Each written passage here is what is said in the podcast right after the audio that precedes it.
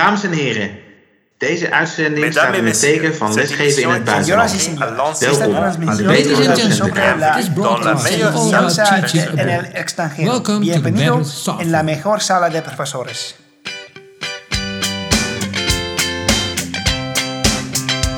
De betere docentenkamer. Met Bob en Rinus.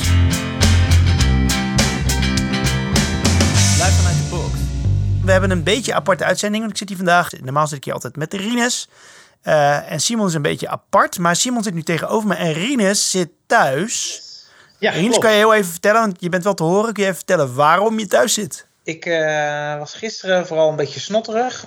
En toen, eh, ja, ja, mijn vrouw ging een coronatest doen, dus toen moest ik ook. Nou ja, ik heb een coronatest gedaan. En eh, het grappige is, je hebt daar een, eh, een opnametje van gemaakt. Die gaan, daar gaan we even naar luisteren. Ja, dat is goed. Hallo. Zoveel slaapgoed bij u. Ja hoor. Kijk. Ik kan me totaal niet inbeelden. Ik ben er nooit, nog nooit geweest. hè. Dus waar, waar zitten we nu? Is dit zo'n tunnel of eh, Yes. een tent? Ja, ja, nee, het is van de, een bus van de GGD. Ja. En ik kan... eh, In de grote visserijstraat. Ja. Nee, maar eh, dus Bob, ik heb eh, een test laten doen. ja, nou goed. Ik vind het, eh, ik vind het dapper van je. Eh, Voor het meevallen achteraf? Nee, dit is de tweede keer dat ik hem deed. Eh, Voor, Ja? heb ik een tijdje geleden ook gedaan, maar dan door een eh, straat vanuit mijn auto en nu eh, in, in een bus, dus eh, daar moest ik naartoe. En dan eh, eh, werd er een wattenstaafje in mijn keel en in mijn neus gedaan. We gaan uh, Philippe gaan we bellen. Eh, die kennen we via via. Hij is een, ehm, eh, een, een de Belgische, Vlaamse docent. Wat hebben jullie eigenlijk liever, Simon? Hebben jullie eigenlijk liever dat wij jullie Belgen of Vlamingen noemen? Eh, hangt er vanaf van de context. Oké, in, in deze context? Ehm, Belgisch, hè? ja. Ja, Ja. dat zou ik ook zeggen. Ja. Oké. Eh, nou, hij is dus een, eh, een Belgische eh, collega. En aangezien deze uitzending gaat over internationaal lesgeven. eh, en we toch iemand zo- zochten waar we niet de moeilijke taal moesten spreken. kwam een Belgische, Belgische collega gelijk uit. Dus die gaan we bellen. Eh, hoi Philippe, Hoi, goedemiddag. Is het Philippe of Philippe? Felipe. Fi- Felipe. Want eh, het valt me op, eh, Felipe, jij hebt een, Frans, nee, een, een Spaanse naam. Spaans, klopt, ja. Ben je, ben je Spaans of ben je... Ik ben half-half. Half. Spaans, half Belg. Ah, oké. Misschien is dat nog wel even goed om uit te leggen. We kennen elkaar van, of tenminste, je kent Simon van, we hebben een, ja, een projectweek samen gedaan, hè? Ja. Kan je daar iets over vertellen? Ja, dus ik werk bij Achtervelde Hogeschool in Gent, in Vlaanderen.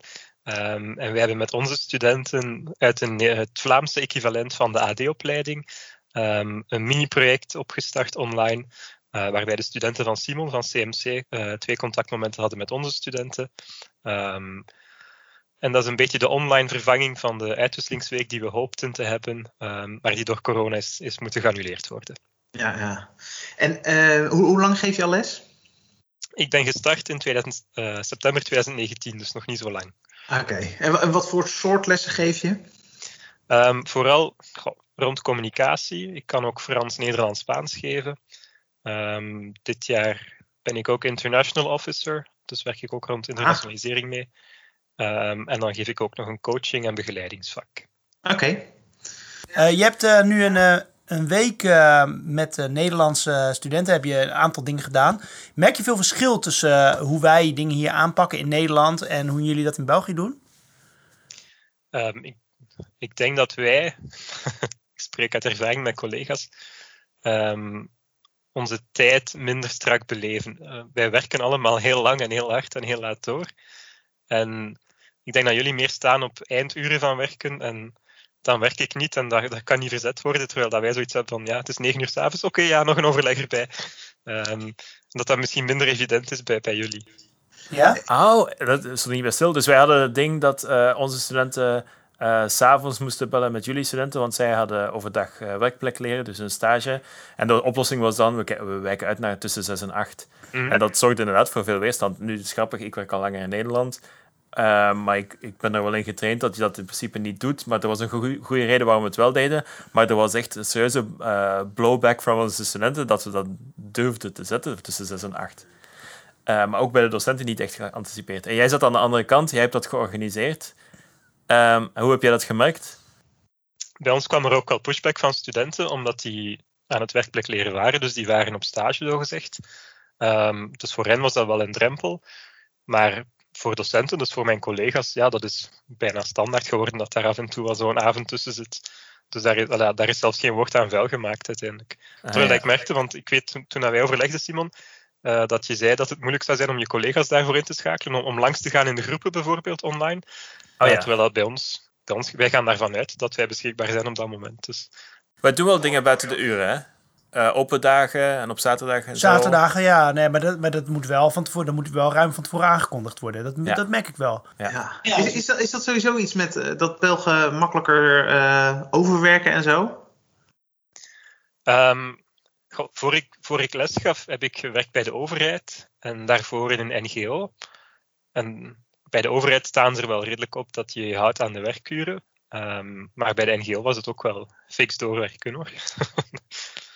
Door, ah. door niet zo heel hard gekeken naar je werkt een 40 uur week bijvoorbeeld, dat je dan ook effectief maar 40 uur doet. Maar betekent dat ook, uh, want uh, nu, even, nu hebben we het hier even over, uh, betekent dat ook dat jullie, ehm, als je dan s'avonds werkt, dat je s ochtends ook gewoon even iets anders gaat doen of zo? Of dat je een beetje je eigen uren kan bepalen? Of heeft het gewoon mee te maken van oké, okay, of hebben jullie gewoon moeite met zeggen van nee, dat doe ik niet? Dat is ook een beetje misschien.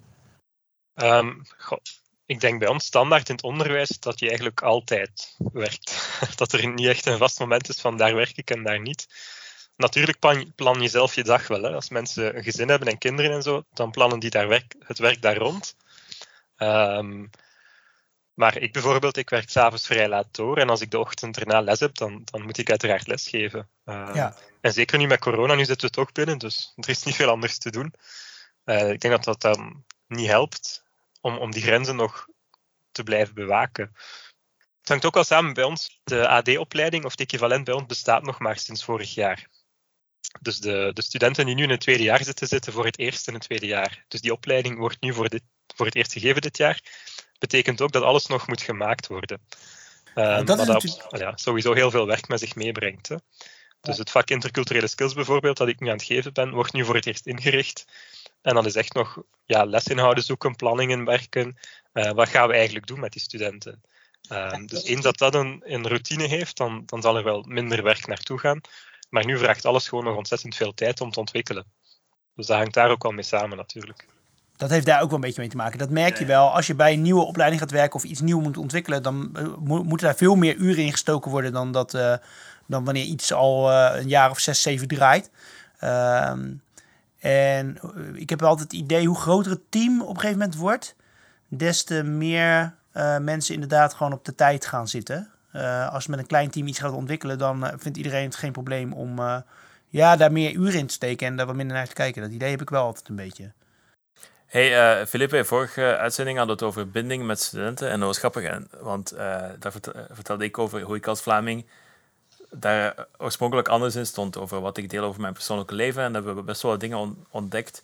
Uh, hebben jullie daar een standaard uh, visie op over hoe de docent bij, nu bij de AD zich gedraagt of bij de graduaatopleiding? Hebben jullie een bepaalde van dit is onze rol als docent, dit doen wij allemaal op die manier? Um, ik heb vorig jaar ook lesgegeven in de bacheloropleiding.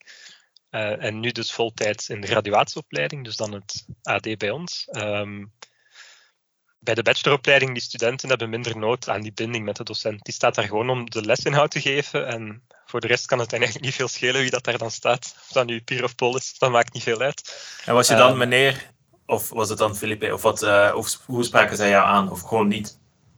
Meneer. Meneer. Of, ik gaf Frans, dus het was dan altijd monsieur. Monsieur. monsieur. um, terwijl vorig jaar, toen onze opleidingen startten, um, lieten wij de studenten ons aanspreken met onze voornaam.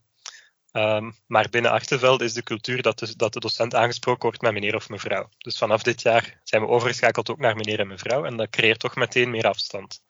Vind je dat prettig? Of? Um, nu de opleiding groter wordt, is dat wel makkelijker, omdat dat automatisch iets meer afstand creëert. En op de duur heb je zodanig veel studenten die aan je rokken hangen, om het zo te zeggen. Um, dat, dat de grenzen soms een beetje te veel vervagen. Uiteindelijk ben je nog altijd wel de docent en sta jij als verantwoordelijke voor het leerproces en geef je ook punten uiteindelijk. maar is dat, in, is dat dan, ben je dan afhankelijk van of je monsieur of meneer of, of, of bij je voornaam of hey noemen? heeft dat daarmee te maken? Want je, je bent inderdaad, ik, ik, heb dat, ik heb dat wat minder. maar ja, ik heb wel zoiets, volgens mij heb ik wel het, het voor elkaar dat ze wel mij als docent zien en maar meer komen omdat ze weten dat ik wat te vertellen heb, zeg maar. Um, het hangt daar niet alleen mee samen, denk ik, maar het creëert automatisch wel, wel een rolverdeling natuurlijk. Hè? Als ze u aanspreken met meneer of met mevrouw, heb je van beide start wel, wel die afstand. Um, het is niet altijd even makkelijk, bijvoorbeeld voor het coachingvak dat ik geef. Daar ben ik echt nauw betrokken bij één groep studenten. Um, ja, en daar krijgt dat soms iets te veel afstand, die, die meneer en die mevrouw. Terwijl bij de andere vakken die ik geef, daar is het wel goed dat die afstand er is, want jij bent verantwoordelijke voor dat vak en jij beoordeelt de studenten ook. En het is goed dat die, die grens er dan is, dat die grens bewaakt wordt tussen ik ben docent en jij bent student. Ja, grappig. Ik ben daar helemaal niet op, op die manier mee bezig eigenlijk. Denk ik. Eh, bij ons is het denk ik heel gewoon om. Uh, ja, ik word ook wel eens met mijn voornaam aangesproken. Ik stoor me daar niet aan. Ja, bij jou, uh, Bob? Nee, ik helemaal niet. Nee, maar zolang het wel, wel met respect gebeurt. Uh, dus ja, weet je, als ze een beetje lullige opmerkingen gaan zitten maken of uh, hey roepen of ehm, Bobby zeggen of zo, weet je, dat soort dingen. of dat ze je naam een beetje gaan zitten veranderen. Ehm, dan, dan vind ik het, dan, dan zeg ik daar wel wat van. Maar als ze inderdaad gewoon mijn, als ze me gewoon bij mijn voornaam noemen en gewoon daar een, een serieuze, met een serieuze vraag komen, Nee, dan heb ik daar geen moeite mee. Ik ben, ik ben er dus schizofreen in. Hè? Dus ik, ik haat het als ze mij meneer noemen. En als ze dan iemand mij Simon noemt, denk ik van, wat? Ik denk dat dat bij mij ook helpt, omdat ik nog niet zo heel veel ouder ben dan veel studenten. Um, dat die grens daardoor nog duidelijker wordt. Dat zij mij meneer moeten noemen. Dat, Dan, dat ik wel dan automatisch iets meer gezag heb of zo. Ik weet het niet. Ja, ja. En, en woon je ook in, uh, Gent dan, toch? Ja, ja. Ah ja, en, kom je ook wel eens, uh, ja, nu niet natuurlijk. Tenminste, hoe is dat bij jullie? Hebben jullie avondklok of zo? Nu? Ja, de winkels zijn de avondklok van ja. middernacht tot zes. Ja. Ah ja, ja. ja. Maar kom je normaal liter, uh, of in de afgelopen, vorig jaar dan, kom je dan wel eens studenten tegen in het uh, uitgaansleven of zo? Of, of is dat nog nooit voorgekomen? Uh, dat is nog niet voorgekomen, maar, maar het was ook uh, maar een half jaar natuurlijk dat we echt normaal les gegeven hebben. Dus ja. daarna was de lockdown, dus dan kwam je sowieso niemand tegen. Um, ja, ik kom soms studenten tegen in de supermarkt of op straat gewoon. Ah, oké, okay, ja, ja. En dan maak je wel een praatje of zo? Of, uh... Ik zeg hallo. Oké. Okay. De meeste studenten hebben daar bij ons echt geen behoefte aan om, om docenten te zien buiten de schooluren. Oh ja, ja. Nee, ja, bij ons ook niet hoor, denk ik. Ja, vind je dat? Nee, ik, als, als, als ik studenten tegenkom, dan, uh, dan maken ze altijd een... Uh, ik kwam pas van de week kwam ik een student te tegen. Thomas, uh, uit het eerste jaar. En die, ja, daar heb ik wel even vijf minuten mee bij, bij, bij, de, bij, de, bij de metro staan praten. Vijf minuten? Ja, zoiets, ja. En mijn zoontje was er ook bij en die heeft ook even met hem gesproken over hoe, hoe zijn situatie nu is op school en zo. Ah ja, wel leuk. Ik had dus een student bij een Albert Heijn, een student van een keuzevak, die mij zag bij het afrekenen. En dan na een half minuut zei ze om, oh ja, uh, meneer, uh, met die herkansing. en dan heb ik haar letterlijk gezegd, oh ja, moet je dit en dat doen. Maar dat is wel, ja, het is half zes. Ja, maar ik ben heb... echt klaar met werken. Nu ben ik echt mijn, mijn appel aan het afrekenen. Een beetje extreem, maar ja. Simon, ik heb ook wel eens van jou gehoord dat, je, dat studenten een evenement, online evenement hadden georganiseerd. Dat je die ook bij een supermarkt of ergens was tegengekomen en dat ze je uitgenodigd hebben en dat je daarom maar gekomen was. Ja, maar dat, ja, oké. Dat, kan wel. Maar dat is dan, als je, als je in de buurt iemand tegenkomt, moet toch iets natuurlijk. Ja, oké. Toen ben ik, heb ik wel ingebeld op het event, maar wel mijn camera niet aangezet en mijn geluid ook niet. Zoals studenten dat bij ons doen. Ja. Uh, een soort van payback. Maar ik heb het wel, ik heb het wel meegemaakt, een event, een cocktailavond. Ja. Wij doen bij, bij communicatie wel een aantal dingen die de grenzen een beetje doorbreken. Zoals voor die events die studenten moeten organiseren. In het uh, derde semester, dus begin van het tweede jaar, moeten alle studenten in groepjes van, studenten in groepjes van vijf een event organiseren. En dan gaan we daar ook allemaal langs buiten de uren.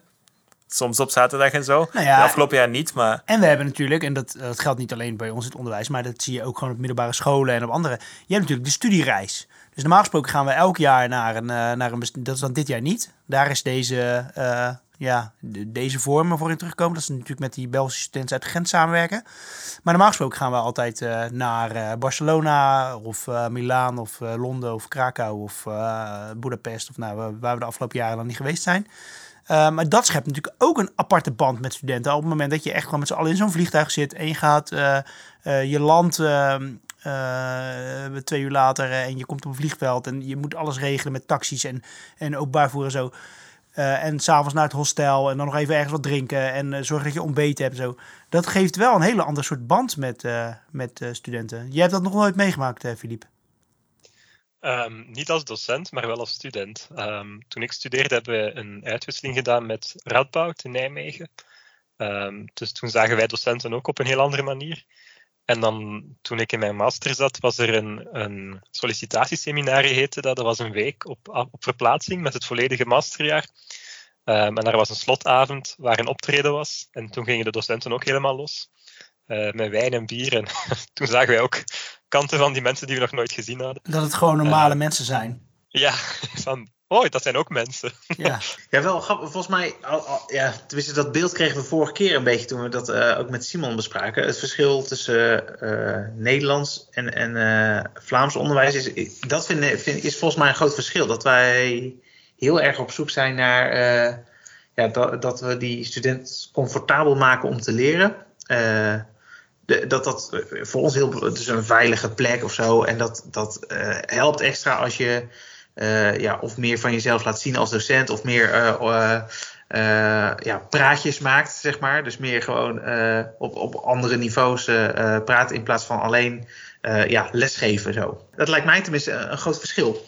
Ja, ik ben het dus bewust gaan doen, dingen gaan delen over mezelf, omdat dat nodig is als soort van. Um, studenten appreciëren dat, denk ik. Terwijl van nature denk ik, ik ben hier om les te geven. Maar dus als je dingen die eigenlijk niet met niks met de les te maken hebben. Dat is eigenlijk Bob zijn model. Hè? Ik ben gewoon Bob gaan kopiëren. Bob doet dat enorm. Ja. Toch? Je begint altijd met een... Nou ja, kijk, ik ben natuurlijk altijd een kwartier van tevoren in de les. Um, en uh, nou, ik zet een muziekje op soms als we gaan beginnen. Gewoon om de sfeer een beetje in te brengen. Vooral als het nu zo koud is, dan wil ik nog wel eens gewoon een, uh, een bossa nova, Braziliaanse-achtige muziekje aanzetten. Dat er gewoon mensen binnenkomen en zeggen, hey, gezellig. En dan uh, maak een praatje inderdaad wel met studenten. En ook gewoon wel gewoon normaal op te gangen. Uh, heb je nog voetbal gezien deze week? Uh, hoe was het uitgaan? hoe, is het met je, hoe is het met je hondje? Als ze er een keertje over verteld hebben. Nou goed, gewoon dat soort algemene small talk. Ik merk wel dat ze dat waarderen, ja. Heb jij collega's die dat doen, Filippe, die echt heel anders zijn? Dat denk ik niet. Ik denk dat als wij iets delen, dat het over eerdere werkervaring gaat. Bijvoorbeeld als ik mijn coachingvak geef, mijn studenten doen marketing communicatie. Ik heb zelf in communicatie gewerkt, dan verwijs ik daar wel naar terug, naar mijn ervaringen en hoe ik dat beleefd heb. Ja. Maar dat blijft altijd binnen een professionele context. En ik denk niet dat ik collega's heb, in de graduaten misschien iets meer, maar bij de bachelors bijvoorbeeld heel weinig hoor. Dat blijft echt binnen het kader van school en van werk. Uh, dus daar komt weinig pers persoonlijks in aan bod. Denk, je, denk je dat het zou werken? Als ik nou, uh, want uh, Gent ligt hier, want dat is best wel bizar, hè? want Gent ligt hier een 140 kilometer verderop. Ik heb het even gezien. Uh, nou, Groningen is voor ons gewoon twee keer zo ver. Mm. Um, en toch is het heel anders. Denk je dat ik met mijn manier dat het zou aanslaan, of zouden ze me echt die rare Hollander vinden, zeg maar, die daar zou komen? Ik denk dat ze in het begin inderdaad die rare Hollander zouden vinden. Um, maar dat ze na verloop van tijd er wel voor warmen, um, voor die manier van aanpakken. Het hangt ook heel hard af van, van de opleiding die studenten volgen. Hè. Uh, ik geef les in, in marketingcommunicatie, maar ik geef ook les bij accounting. En dat op zich is al een wereld van verschil tussen die studenten. Ja, over het algemeen heeft de modale student daar weinig behoefte aan, denk ik, om, om echt zo praatjes te maken met de docent. Die zit daar vooral om de leerstof te krijgen. Dat is het. Bij ons is het vooral op kennis. Hè. Bij jullie is het misschien meer op, op communicatieve vaardigheden en de student die mening vormt en die uit. Bij ons gaat het meer om kennis en die studenten bij ons zitten daar om die kennis mee te krijgen en niet om, uh, om het persoonlijk leven van de docent en dat interesseert hen ook niet echt. Nee, maar het, het, is niet ook tijdens de les zelf heel erg hoor. Want op zich leren ze bij mij ook nog wel wat kennis, moet ik eerlijk zeggen. Dat denk ik wel. Maar het is vooral in die, in die momenten ervoor en, en na. En uh, gewoon, uh, ja, als, als ze gewoon aan het lunchen zijn bijvoorbeeld, tussen de middag, dan kan ik ook wel gewoon rustig en, en ik loop met een broodje en een soep langs. Dan kan ik gewoon rustig bij de studenten gaan zitten en gewoon uh, inderdaad vertellen over. Uh, Nou, afgelopen weekend ben ik gaan schaatsen en toen heb ik... nou, dat. Hey, dat, zou, dat zou bij ons nooit gaan. Gaan nee? met studenten? Nee, dat, dat zou echt niet, niet pakken. Hebben jullie ook echt een docentenkamer? Een, een, een deel van een verdieping in ons gebouw is voorzien voor kantoren, voor het management en zo. Ja. En daar is ook een flexplek, heet dat dan, waar computers staan die wij mogen gebruiken. Dus als we tussen lessen door op campus willen werken, kunnen we daar. De studenten mogen daar niet komen. Maar bij die flexplek, daar wordt waarschijnlijk ook wel gewoon gepraat onder collega's. Zoals ja, dat, uh, want bij ons is er een, een kantine. En docenten kunnen daar ook een broodje gaan kopen of een warme maaltijd halen. En als we daar dan rondlopen, zie je die studenten echt zo kijken van, wat doen die hier? Ah, ja, ja, ja. Hey, iets anders uh, wat mij opviel, in, uh, en ik heb nooit in, in uh, Vlaanderen op dit niveau gewerkt, is toen ik begon als onderwijzer hier, dat je dan de cursussen die je moet doen, didactiekcursussen, ging het allemaal over actieve werkvormen. En dat is nog steeds iets waar docenten voortdurend elkaar vergelijken in de hogeschool. Actieve werkvorm, ik heb een werkvorm. En is dat ook zo'n zo enorm ding in, bij jullie in het onderwijs? Dat je voortdurend naar de juiste vorm moet zoeken om iets bepaald? Of mag je gewoon zeven of twaalf weken lang dus hetzelfde trucje doen? Of... Gewoon frontaal lesgeven, met er komt iemand iets vertellen. Ja, um, in de graduatieopleidingen probeer ik zoveel mogelijk af te wisselen tussen verschillende aanpakken van lessen. En ook heel, op, heel hard op de praktijk te gaan, maar dat is eigen aan die opleiding. Maar in de bachelors bijvoorbeeld um, wordt daar ook wel zoveel mogelijk naar variatie gezocht. Het hangt opnieuw ook heel hard af van uw vak. Hè. Ik, als collega's um, bedrijfseconomie geven of uh, bankwezen. Um, ja, dat is al iets moeilijker om daar heel interactief over les te geven, denk ik, dan als je communicatie geeft. Um, dus het hangt daar ook heel erg mee samen en ook met de groepsgrootte. Bij de graduaten hebben we het geluk dat we in iets kleinere groepen kunnen lesgeven. Maar voor de bachelorstudenten, als die les hebben in een groep van 60 of 70, om daar dan heel actief mee aan de slag te gaan, is dat niet zo evident. Um, dus dat, dat komt opnieuw uit bij die kennis dan, denk ik. Hè. Het is meer uh, de docent die de kennis doorgeeft aan de student die absorbeert. Um, of de kennis zich eigen maakt of verwerkt. Terwijl dat dan bij jullie misschien meer dan altijd naar dat actieve activiteit gezocht wordt. Ik weet het niet hoe dat ik het moet verwoorden. Ja, ja, ja maar zou je niet veel liever in Nederland les willen geven? Ik denk dat ik onder tafel gepraat word door de studenten. Ah, zo. Want waarom denk je dat? Dat is op zich wel een grappige opmerking. Omdat ik het niet gewend ben om, om zoveel input te krijgen uit de klas. Wij, wij moeten soms echt sleuren om, om een antwoord te krijgen. Terwijl bijvoorbeeld bij de contactmomenten met, met, met de studenten van Simon, ik ben mhm. kort even langs gegaan bij elke groep. Um, en de Nederlandse studenten waren mij denken, oh hoi, hoe gaat het? Terwijl dat mijn studenten zoiets hadden van, oei, de prof is daar. Um, dat was heel, heel grappig om te merken. Um, dus ik zou er heel hard aan moeten wennen, denk ik, in het begin. Aan, aan, die, die manier van werken en van omgaan met studenten. Dat die hiërarchie veel lager is. Zou het je wel leuk lijken voor een weekje om te proberen? Zullen wij een keer wisselen een week? Ja, dat, absoluut. Ik denk dat je daar heel veel uit kunt leren ook. Ook hoe dat je studenten um, benadert en hoe dat je hen toch tot die actieve medewerking krijgt. Nou, ik uh, voel een projectje aankomen. Ik vind, het wel, ik vind het wel een project. Daar kunnen we een documentaire over maken, jongens. ja. ja, leuk. Ja, goed idee. Nou, cool. En, uh, is Kahoot, is dat heel populair uh, bij jullie? Uh, Wooklab. Wat? Wooklab? Wooklab. Dat nee, is, is, dat een nieuwe hype? ja, dat is een, een um, heel interactieve website ontwikkeld voor onderwijs. Um, waar eigenlijk alle andere aparte apps die je gebruikt samengevoegd zijn. Dus alle mogelijkheden die je bij, bij Kahoot hebt bijvoorbeeld, kan je ook integreren bij, bij Wooklab. Je kan Wooklab ook integreren in PowerPoint. Um, dus het is een heel toffe manier om interactief aan de slag te gaan in je lessen. Ah, mooi. Klinkt goed. Ja. Wooklab.be of... Uh... Uh, ik denk .com zelfs. Want het grappige is dat ik in mijn vorige job um, werkte ik bij een Brussels overheidsinstituut en die financierde wetenschappelijk onderzoek. En een van de projecten die gefinancierd werden daar was WooClap. Dus die hadden toen een, een, een subsidie gewonnen van 500.000 euro. Ah. En nu, twee jaar later, geef ik zelf les met WooClap. Dus ik vond dat wel een, een, een ja, moment. Ja. ja, mooi. Hey, heb je ook een. Uh, uh, hoe gaat het nu met de studenten? Dus, dus, met jouw studenten, heb je daar een, een goed beeld van? Uh, ja, hoe, hoe, heb je veel uitval of valt dat mee nu met de, de uitval valt goed de uitval valt goed mee, maar ze hebben het wel niet makkelijk. nee. Zeker en waar merk je dat aan? Um, aan de conversatie die ik heb. Dus ik, ik heb dat coachingvak, dus daarvoor volg ik mijn studenten wel vrij nauw op. En ze hebben het echt niet makkelijk. Allee, ze mogen nu wel één dag per week naar campus komen. Mm -hmm. um, maar ja, hoe zou je zelf zijn? Hè? Die zijn het ook beu om, om dagenlang achter een scherm alleen te zitten en zo les te volgen. Zeker in het eerste jaar, die nog moeten wennen aan wat is hoger onderwijs, wat, wat komt er allemaal op mij af. Om dan meteen alles online te moeten doen. Ja, ik heb er heel veel respect voor hoe dan ze dat toch kunnen blijven opbrengen om dat, om dat te doen. Ja, zeker. Mooi. Mooi. Ah, cool. Is cool de eerste reactie, Rinus? Nee, ik vind het leuk dat we... Uh, de, een leuk gesprek zo. Toch? Ja, ja dat is waar. Ook dat, uh, dat je echt wel die... Uh, ja, dat er wel echt verschillen zijn zo. Ja, en, de, en oh, inderdaad wat jij zei, Bob, dat dat 140 kilometer is echt bizar, toch? Ja. Ja, en dan, en dan ligt Gent ligt voor ons nog zeg maar diep België in. Of tenminste, je moet wel een soort van omweg nemen via Antwerpen natuurlijk. Of, of via Zeeland, maar je snapt wat ik bedoel. Uh, terwijl, uh, ja, wanneer wij naar uh, Zwolle of vanuit Rotterdam, hè, want daar zitten wij, daar zitten wij natuurlijk. Als wij naar Groningen of, of, of, of, of, of, of Drenthe of zo moeten rijden, dat is veel verder. Mm. En, en, maar daar heb ik het gevoel helemaal niet dat het... Oké, okay, daar zijn de mensen ook misschien iets anders. Maar volgens mij is daar de mentaliteit nog wel gewoon het, hetzelfde.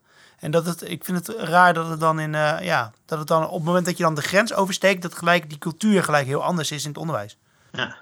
Ja, en qua beleid hebben we iets gelijkaardigs. We zitten allemaal in de NVAO, dat is de Nederlands-Vlaamse uh, associatie. Dus qua inhoudelijk, en dan merk je toch wel, doen we wel grotendeels hetzelfde. En dus cultureel moet je alles aanpassen, maar qua beleid, het toppenbeleid, zitten we eigenlijk in hetzelfde, hetzelfde systeem. Ja, en ik denk ook wel eens, uh, want als jij dat gewoon zegt, ja, uh, studenten willen gewoon kennisoverdracht. Dus dat is uh, misschien ook wel zo, toch? Wij zijn. Ja, nu ga ik echt iets zeggen wat misschien een vloek in de kerk is in Nederland. Maar ik heb soms ook het idee dat, weet je, wij willen alles in, inderdaad in Kahoot-achtige vormen gooien. En soms zitten die studenten ook niet altijd even, niet heel veel studenten zitten daarop te wachten. Uh, van weer, oh, komt hij weer met een quiz. En we hebben het vorige uur er ook al eentje gehad. Dus hmm. soms vinden ze het ook wel lekker als je gewoon, uh, en dat is nu dan misschien wel helemaal anders. Maar normaal gesproken dat ze gewoon in het lokaal komen, dat er gewoon een docent iets komt vertellen over wat, uh, wat, hun, wat zij belangrijke informatie vinden. En um, ja, daar kunnen we volgens mij nog wel wat van leren van de, van, de, van, de, van onze Vlaamse collega's. die dus, daar nog eh, gewoon wel een beetje meer mee bezig zijn. Gewoon echt die kennisoverdracht. Het is de theorie van een, een Nederlands onderwijspedagoog, uh, Gert hè, dus wel ja. bekend. Ja, en die zei van, zijn theorie is dat de status van de onderwijzer in Nederland afgekalfd is, doordat we die rol van expert niet meer innemen. Dus dat we niet meer de autoriteit in de klas zijn. En dat daardoor mensen het gevoel hebben, studenten, dat de coach, whatever, dus die weet niks, die vertelt niks. En dus en Gert Bista zegt dat, en hij heeft zich lang mee bezig, bezig gehouden. En sinds ik dat gelezen heb, het, is maar een, het was maar een voetnoot of zo in zijn tekst, dacht ik van, dat is wel echt het gevaar. Je moet af en toe ook in dit soort onderwijs, moet je af en toe tonen dat jij wel degelijk het meeste van weet in de klas. En dat mensen ook respecteren als je zegt, en nu gaan jullie in groepjes werken en zelf een probleem oplossen.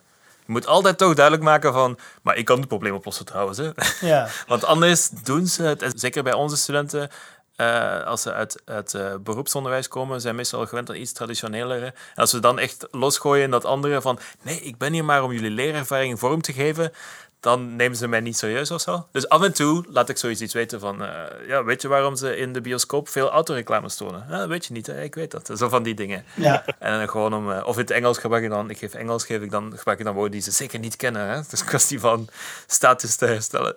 Ik ervaar dat spanningsveld ook wel hoor, want je kan dan wel expert zijn, maar dat betekent toch niet dat je een goede lesgever bent en omgekeerd. Hè? Oh ja. Um, ja. Dat is heel hard zoeken. Voor, ala, ik geef nog niet zo lang les nu. Ik denk dat ik nu een beetje begin te voelen van hoe je dat aanpakt, maar ik vond het echt niet evident in het begin. Ik heb, een, uh, ik, heb iets wat wij in Nederland doen en ik ben benieuwd of jullie dat ook doen. Wij worden als docenten worden wij beoordeeld door de studenten. Dus zij moeten aan het einde van ons uh, ding moeten wij een, uh, uh, moeten, wij een, uh, moeten zij een enquête invullen over hoe ze les hebben gevonden. Uh, hoe, hoe hun band ook met ons is geweest. Of hoe, hoe ehm, dus de docent is, kan zich inleven in de situatie van de student. Ja. Zoiets is, is, de, is de vraag. hebben jullie ook, kennen jullie ook zo'n soort gelijke beoordeling dat je inderdaad wordt beoordeeld door, door de studenten? Ja, er is een heel departement integrale kwaliteitszorg. En vanuit dat departement wordt elk vak en elke docent geëvalueerd. Uh, niet elk jaar, maar er zit zo'n een, een cyclussysteem van om de drie jaar worden alle OLOTs één keer geëvalueerd, worden studenten bevraagd Ehm, maar sowieso doen zo goed als al mijn collega's dat zelf ook. Aan het einde van een vak vragen zij ook input van de studenten van wat vond je goed, wat vond je minder goed, waar heb je nog meer nood aan. Um, en zo proberen wij elk jaar ook het jaar erop beter te doen. Maar wat, wat vond je goed, wat vond je minder goed? Nou, je, je geeft net zelf al aan van soms moet ik dingen uit mijn studenten trekken. Uh, je geeft ook aan van nou, die hiërarchie in, uh, als ik het vertaal ik het vrij, die hiërarchie in België tussen de studenten en de um, docenten is iets groter, of ja, de hiërarchie is iets groter gat dan uh, in Nederland. Heb je het gevoel dat ze ook eerlijk daarin durven te zijn? Dat ze gewoon durven te zeggen van ik vond het heel slecht. Het zijn anoniem enquêtes. Oké. Okay. Dus, dan gaat alles dan is het hek van de dam hoor. Ja. Open vragen, mogen ze echt uh, tekst, schrijven? Ja, ja. ja. ja en mijn, mijn, collega's bijvoorbeeld doen dat ook. Hè. Die vragen wat vond je van het handboek, wat vond je van het online materiaal, wat vond je van de les, het lesverloop en wat vond je van de docent. Allee, het is niet dat ze een open vraag stellen over het hele vak, maar ze gaan echt specifiek op de verschillende onderdelen van wat dat vak deel uitmaakt, um, gaan vragen van wat, wat er goed en minder goed was. Nou, Felipe, hartstikke bedankt uh, voor je verhaal. Uh, leuk om dat te, te horen, de, de, verschillen en de ook overeenkomsten. Uh, heel erg bedankt. En hoe, hoe zeg je dat in België? Uh, Merci, hè? Merci, hè? Salucus, hè? Nee, salucus. Dat ik altijd zo. als ik in Gent ben en dan ga je ergens eten of zo. En dan hebben ze het altijd over groentjes. Ach ja, maar daar, is... daar erg ik mij ook aan hoor. Aan die verkleinwoorden vind ik ook verschrikkelijk. Dat is echt raar, hè? Ja. Oh ja, jij ergert je ook aan. Okay. Ah, alles wordt een verkleinwoord op de duur. Oh. Ja, ja, ja. Felipe, bedankt. Hey, dag. Hey, dankjewel.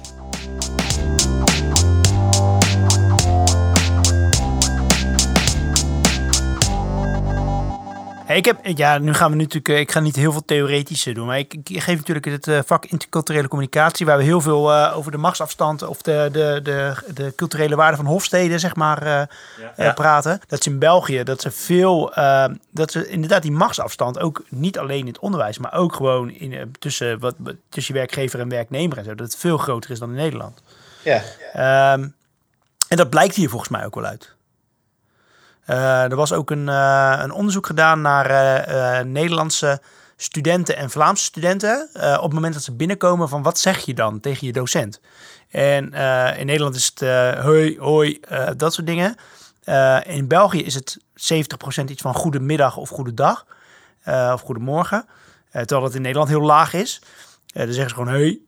En um, in België, en, en, heel veel, een groot gedeelte in België, die zegt gewoon niks. Die knikt alleen maar naar de docent. Zo'n een knikje bij binnenkomst. Ja, knikken is sowieso standaard. Ja. In de meeste streken in België, toch in grootsteden, knik je naar mensen geen, of zeg je niks. Maar als docent is het interessant, als docent ben je toch altijd je eigen baas op een bepaald moment. Ja, tuurlijk. Je, uh, dat zeg ik ook altijd. Van... Je bent je eigen winkel. Je trekt de deur dicht en je gaat je eigen, en je gaat je eigen toko draaien. Dat zeg ik ook al tegen de directeur als je zo'n gesprek hebt of zo, tegen de leidinggevende. Ja, ik, ik, doe gewoon mijn eigen ding.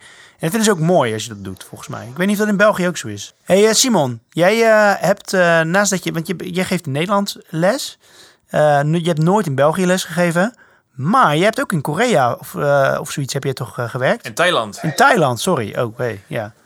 In Thailand, ja, ja. twee jaar in Thailand op een middelbare school.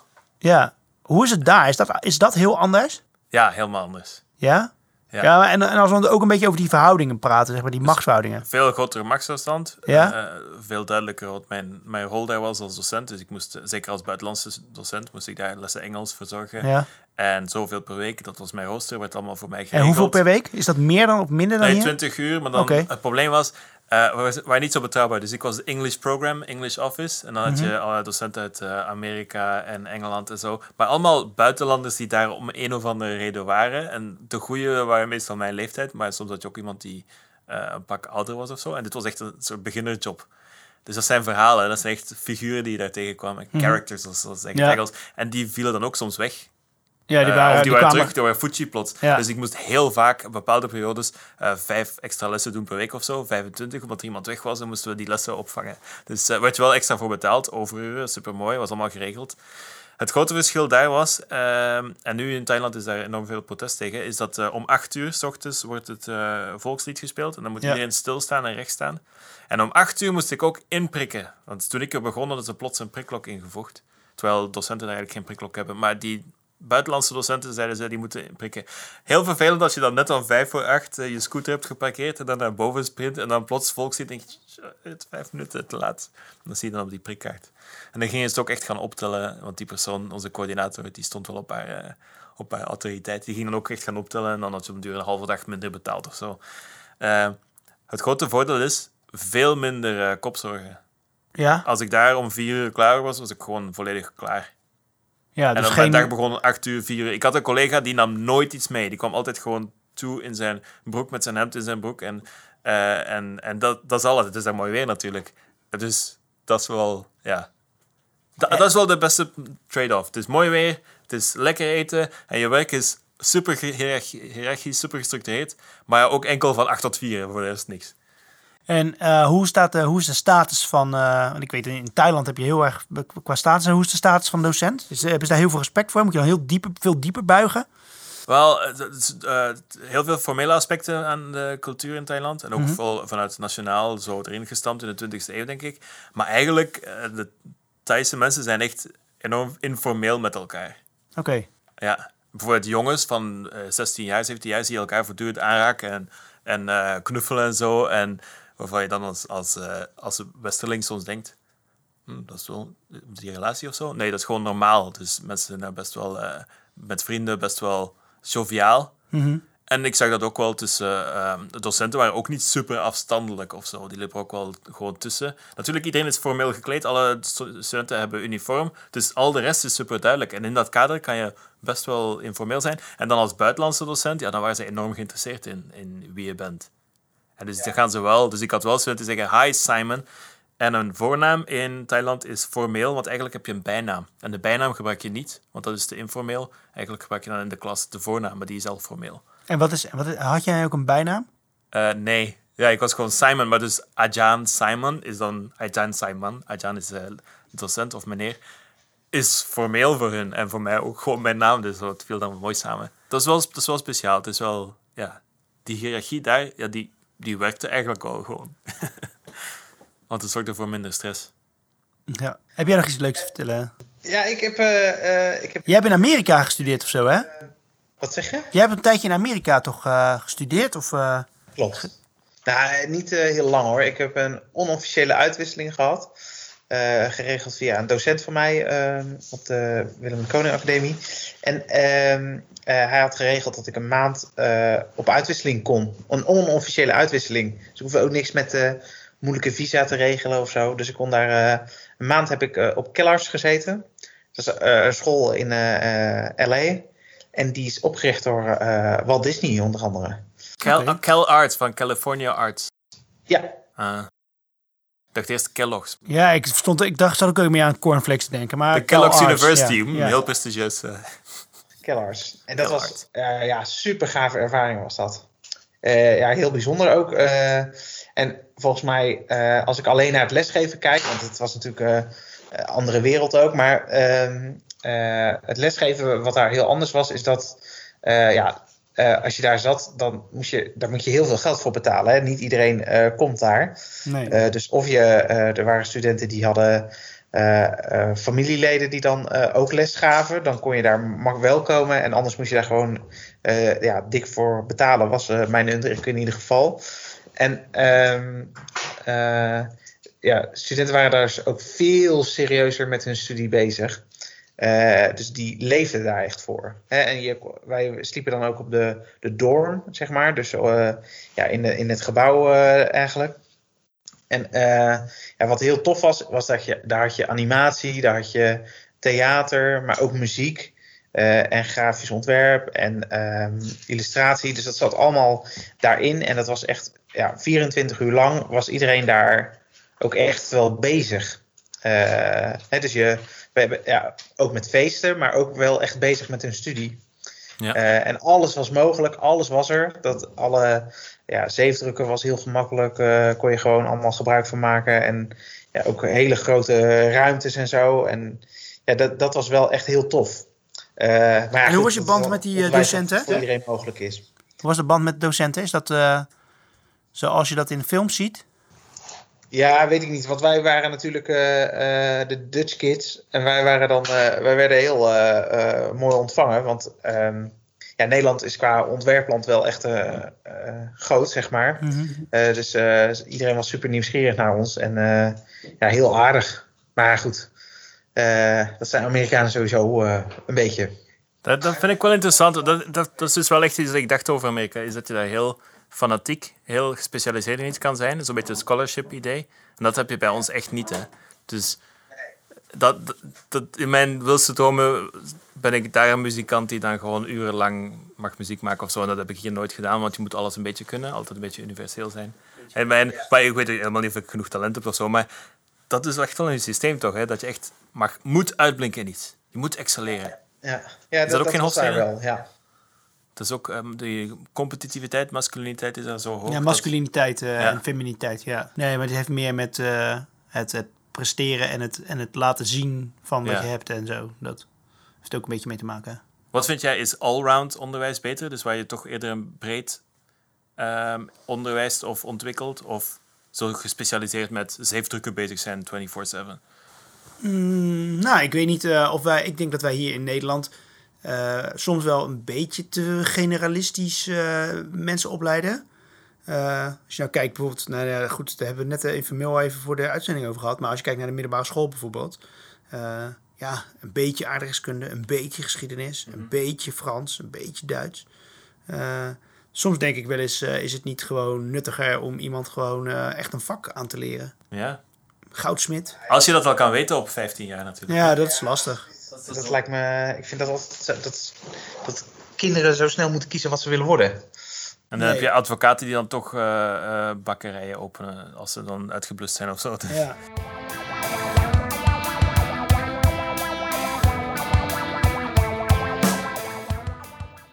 Hoe is het om als niet-Nederlander les te geven in Nederland? Ik vroeg drie buitenlandse collega's, opgegroeid en geschoold buiten Nederland, naar hun ervaringen.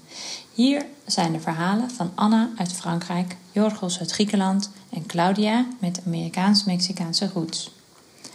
Als grootste verschil noemden alle drie mijn collega's de minimale hiërarchie in Nederlands onderwijs. Anna merkte bijvoorbeeld op dat er in Frankrijk veel meer afstand bestaat tussen docent en student.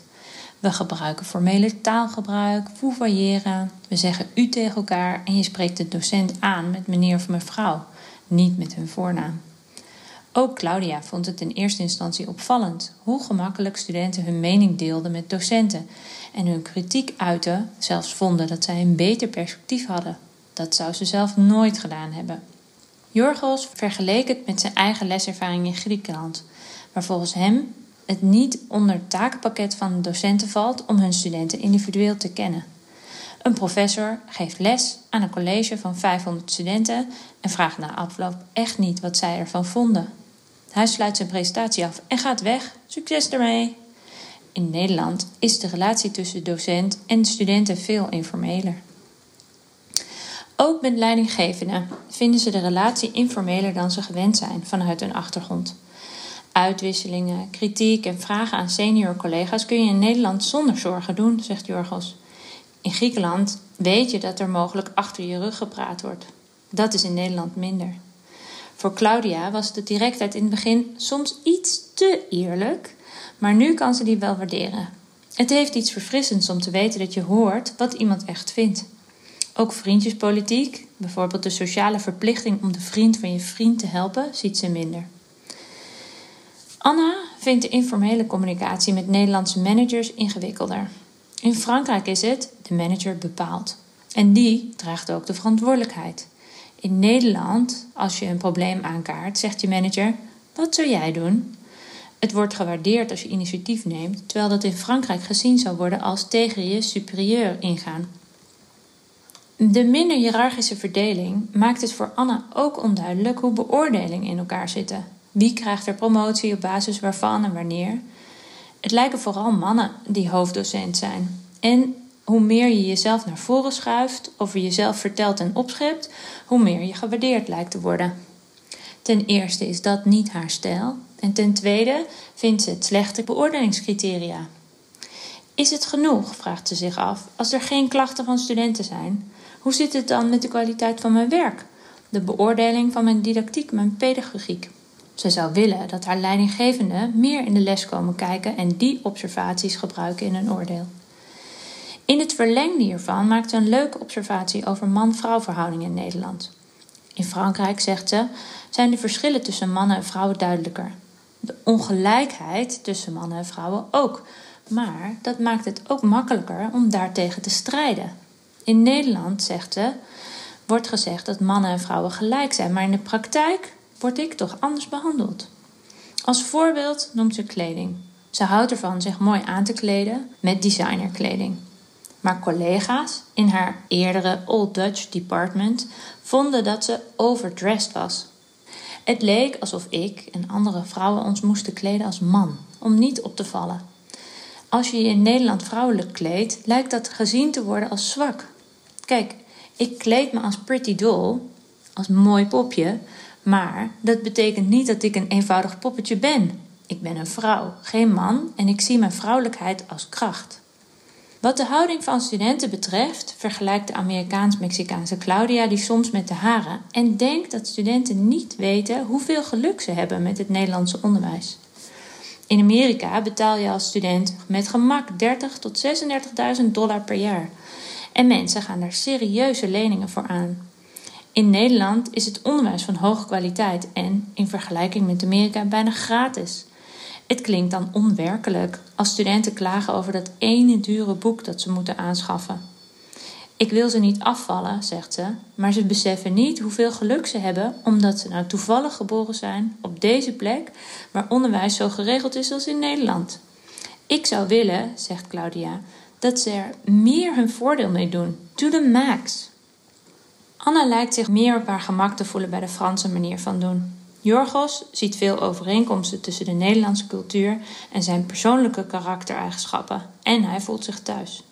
Claudia vindt dat het op sommige punten vernederlandst is, maar, zeker nu ze een kind heeft, vraagt ze zich af hoe ze meer van haar andere culturele achtergronden naar voren kan laten komen.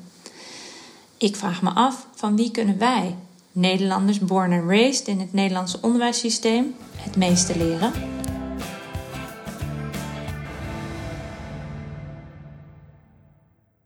Jij hebt ook nieuws, hè? Want jij uh, gaat uit ons docententeam. Ik ga uit het, jullie docententeam, ja. Nee, ik heb dat vorige maand aangekondigd dat ik uh, bij een andere. Ik ben gevraagd om bij een andere docententeam te komen werken. Um, ja, en ik vind het eigenlijk wel leuk om weer eens wat anders te gaan doen. Ik doe dit nu al zes jaar. Hè. Ik zit, werk zes jaar voor deze opleiding, voor dit team. Ja. En uh, ja, dan gaat het bij mij altijd een beetje kriebelen. Dan wil ik gewoon weg. En dan ga ik gewoon eens uh, wat anders doen. Wat andere, andere mensen, wat om me heen. Uh, andere studenten ook wel. Weet je, ik vind, uh, ik vind de onze studenten heel leuk hoor. Maar um, ja, op een gegeven moment raak je een beetje uitgekeken of zo. Je gaat elk jaar, lopen, ben ik hetzelfde aan doen. Ik, ik, we hebben een aantal projecten. En die geef ik elk jaar. Uh, waaronder het project van het maken van een magazine bijvoorbeeld. Um, en dat begeleid je dan helemaal. En dan, moeten ze allemaal concepten bedenken. Is heel tof. Maar ja, als ik heb dat vorig jaar gedaan, het jaar ervoor gedaan. En op een gegeven moment uh, zijn, uh, ben ik niet verrast meer ook. Weet je, dan kun je zeggen, oh, dan gaan we dit doen. En dan denk ik, ja, oké, dat hebben we drie jaar geleden al gedaan. En uh, dan ga ik daar alles naar refereren. En dan word ik een beetje zuur misschien ook wel. Dus dan zeg ik gewoon van, wordt tijd voor iets anders. En volgens mij mag ik daar hele leuke, bij die andere opleiding, mag ik hele leuke, toffe nieuwe dingen gaan doen. Dus dat is het. En ik denk dat we daar ook een keertje gewoon in de volgende uitzending, of een uitzending daarna, dat we daar goed over kunnen praten. Uh, en dan kunnen we een keertje de, uh, hoe dat dan werkt als je ergens anders gaat werken. Dat is misschien ook wel een. Uh, Toen me denken aan item. die aflevering over ervaring nog. Nu, ervaring is bij jou wat je. te veel ervaring. Had je te veel magazines erva ervaring? Ja, voor deze, voor deze studie wel, denk ik. Gewoon, waar, ik doe dit nu gewoon voor het Ik werk het langst van iedereen hier, zeg maar. Van alle docenten. Ik ben begonnen. Ja. Uh, als toen, uh, toen het nog net in de kinderschoenen stond. Uh, nou, toen is Tini gekomen, toen is Okker gekomen, toen is, nou, en, en, en. ik deed het eigenlijk als, als parttime baantje, nou, na de hand fulltime. Dus ik heb, eigenlijk heb ik het allemaal wel meegemaakt, alle veranderingen. En nou, nu wil ik misschien wel ergens gaan werken waar, we, waar dat hele proces van veranderen en iets nieuws opzetten en niet allemaal dingen gaan bedenken, dat we daar gewoon opnieuw mee gaan beginnen. Maar dezelfde podcast, toch? De podcast blijft de podcast. Dat heeft hier niks mee te maken. Gelukkig, dat, dat wilde ik even horen. Nou, mooi zo. Oké. Okay. nog, oh nog iets bedenk ik me. Ik ga een master doen, hè? Ik heb een master gekozen. Oh, heb je hem, heb je hem nu gekozen? Ja, ik ga uh, Arts... Nee, Education of Arts, zoiets. Ja. In Utrecht? Ja. Klinkt goed. Goed, toch? Ja, ik denk dat die mensen die daar nu volgend jaar gaan studeren... dat ze super blij moeten zijn dat jij daar uh, komt. Uh... Dat is precies wat ik tegen Simon zei. Ik denk, die mensen die zullen echt blij zijn. Dat, dat lijkt me echt een hele leuke student. Mij. En toen zei ik, waarom? Nou, het is eigenlijk, je zult maar een student krijgen die dan... En dat gaat ook over lesgeven en, en hoe je dat ziet. En over... Die ook een podcast maakt. Ja, die al een podcast maakt. Hoe gaaf is dat? Ah, ja. Over lesgeven. Dus volgend jaar gaat het niveau van deze podcast uh, twee keer zo hoog, want dan ga jij voortdurend literatuurstudies uh, erbij halen. Nee, nee, nee, nee, nee, nee. Nee, dat hebben we één keer gedaan, dat was geen succes. Geen nee, maar ja, nee. dat heeft hij zijn we hebben vandaag, Maar wacht even, we hebben vandaag Bista er alweer bij gehaald, hè? Ja, dankzij mij. Heb en, ho en Hofstede. En Hofstede. Ja. ja, dan rest ons niks meer om uh, de mensen te bedanken voor het luisteren. En uh, hasta la vista.